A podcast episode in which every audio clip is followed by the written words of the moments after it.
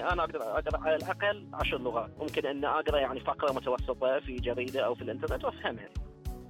يجد البعض جل متعته في الحياة في أن يصل لمرحلة كهذه من الطلاقة في ألسنة الشعوب. فللغات هواة. عشاق التواصل الحقيقي يرون في تعلم اللغات تأشيرات تعبر بهم الحدود وهو شغف ليس له قيود. واحد من هؤلاء الدكتور وائل المهدي من البحرين. الذي عرف شغفه صغيرا بعد أن تعلم اللغة الإنجليزية في معهد متخصص وانطلق بعدها دون مساعدة ليمخر عباب اللغات. وقد وافق الدكتور وائل أن يطلعنا على بعض أسراره الصغيرة. بديت باللغة الفرنسية باللغة الإسبانية. بروحي في البيت بدون معلم بدون ذهاب إلى معهد أو ما شابه طبعا هاي قبل فترة الإنترنت فكنت أشتري كتب أو أحصل كتب مستعملة وأتعلم اللغات منها. شيء تحتاج مصدر جيد؟ هاي قد يكون صعب كثير من اللغات ولكن اللغات الرئيسية لها مصادر موجودة يعني اللغة الإنجليزية مثلا مصادرها متوفرة اللغة الفرنسية الإسبانية هاي اللغات الرئيسية. الشغلة الثانية إنك أنت شنو تفهم أساسيات القواعد. قد تبدو اللغة معقدة بس غالبا تكون قواعدها ممكن تختصر. يعني مثلا هل نضع صفة قبل الموصوف أو بعد الموصوف؟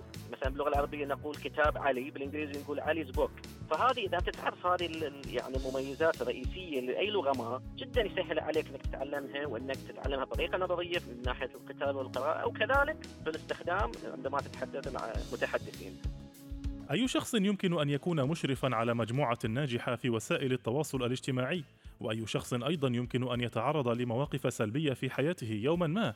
لكن وحدهم هواة الخير هم الذين تغيرهم هذه المواقف ليتخذوا قرارات بمساعدة الآخرين دائما. وباحتراف العمل التطوعي هنا يأخذ منحا آخر. ويصبح عادة يومية وهواية تستهلك وقتا وجهدا ومالا أيضا. والدافع الوحيد هنا هو مساعدة الآخرين فقط. شيء يشبه قصة السيد منزر قيوم. أحاول توفير الكراسي المتحركة بالمجان لمن يحتاجونها بشكل مؤقت لمدة شهر أو اثنين أو حتى ثلاثة. لمن يحتاجونها في حالات مثل الكسور أو الردود أو لكبار السن مثلا الذين لا يستطيعون المشي كثيرا بدأنا بتقديم هذه الخدمة لسكان مدينة أبو ظبي فقط في الإمارات المتحدة ولكن الآن توسعنا إلى دبي وإلى الشارقة أيضا.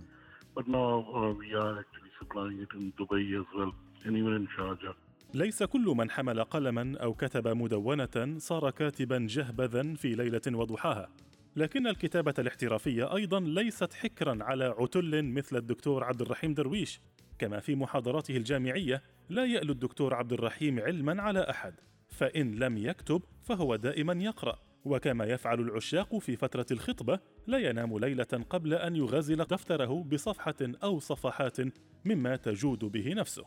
إذا أردت أن تكتب بشكل جيد فعليك أن تقرأ كثيرا عليك أن تنزل من البرج العاجي وتقابل الناس البسطاء وتستمع إلى قصصهم وتحاول أن تصيغ هذا بشرط أن أنت تعرف كيف تنمي الصراع كيف تستطيع أن تكون حبكة درامية كيف تستطيع أن تورط الشخصيات في أحداث معينة بحبكة معينة تصل منها إلى ذروة ثم تنتهي بالعمل الدرامي الخاص زي ما إحنا بنقول إن العضو الذي لا يستخدم يبتر كذلك الخيال كذلك الموهبة بالكتابة يجب أن تنمى وان تكتب كل يوم. ولو على الأقل صفحتين ثلاث يعني أذكر عندما التقيت الأديب العظيم نجيب محفوظ أديب نوبل العربي قال لي إنه يكتب كل يوم ولو ساعتين. درب نفسك على أن تجلس اولا والا يأتي الالهام فستستحضره بما كان لك من حياتك ومن خبراتك ومن مقابلاتك ولقاءاتك مع الناس وحديثك معهم. إذا هي قصة حب وتفان يعيشها كل ليلة تتوج في النهاية على محيا كتاب بعبارة تقول بقلم الدكتور عبد الرحيم درويش. you were good.